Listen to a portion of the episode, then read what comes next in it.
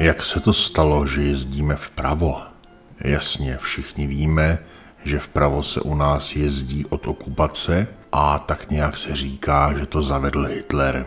Tak je pravda, že Hitler zavedl leco sledaskam, ale za tohle to úplně nemůže. Česká republika, tehdy Československá republika, podepsala mezinárodní smlouvy už ve 20. letech a v těchto smlouvách se zavázala, že budeme jezdit i u nás vpravo.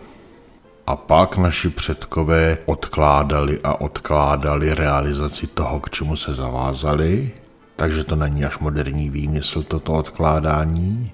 A nakonec se teda dohodli, že se vpravo bude jezdit od roku 39 a nacistická okupace tohleto rozhodnutí jenom o pár týdnů urychlila. Ale jestli máte tendenci začít si říkat, že se nám celý svět zase smál, tak buďte v klidu. Švédové podepsali ty smlouvy taky a zavedli jízdu vpravo až v roce 1967. V Německu se jezdilo vpravo pravděpodobně už od napoleonských válek. Ale otázka zní, proč právě vpravo? Když se ve středověku rozšířil kůň jako dopravní prostředek, tak začal mít přednost před těmi, co šli pěšky – protože na koních jezdili šlechtici a ty měli právo přednostní jízdy. A tím se začalo to, po které straně se kam chodí a jezdí, řídit podle konňů. No a na koně se nejlépe nastupuje zleva. Přijdete ke koni zleva, dáte levou nohu do třmenu a pravou přehazujete. No a logicky, když nastupujete na koně, tak k tomu pokud možno volíte krajnici. Takže si koně přistavíte k levému kraji silnice nebo cesty a zleva nastupujete. A pak tedy i vlevo jedete. Toto je důvod, proč se jezdilo vlevo. A do dneška to v některých zemích vydrželo. Teorie, která hovoří o tom, že vlevo se jezdilo proto, aby jezdec měl pravou ruku volnou na případný souboj, je hezká, ale příliš romantická, nebo naopak příliš dystopická v tom, že jezdec, který jel a míjel proti jedoucího člověka, zas tak často po meči nesahal.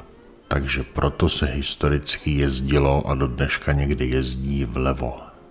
Tak jak se stalo, že najednou jezdíme vpravo. Stalo se to ve Francii v 18. století, kdy se začal rozvíjet obchod a zboží se začalo převážet velkými vozy, které táhlo několika spřežení koní.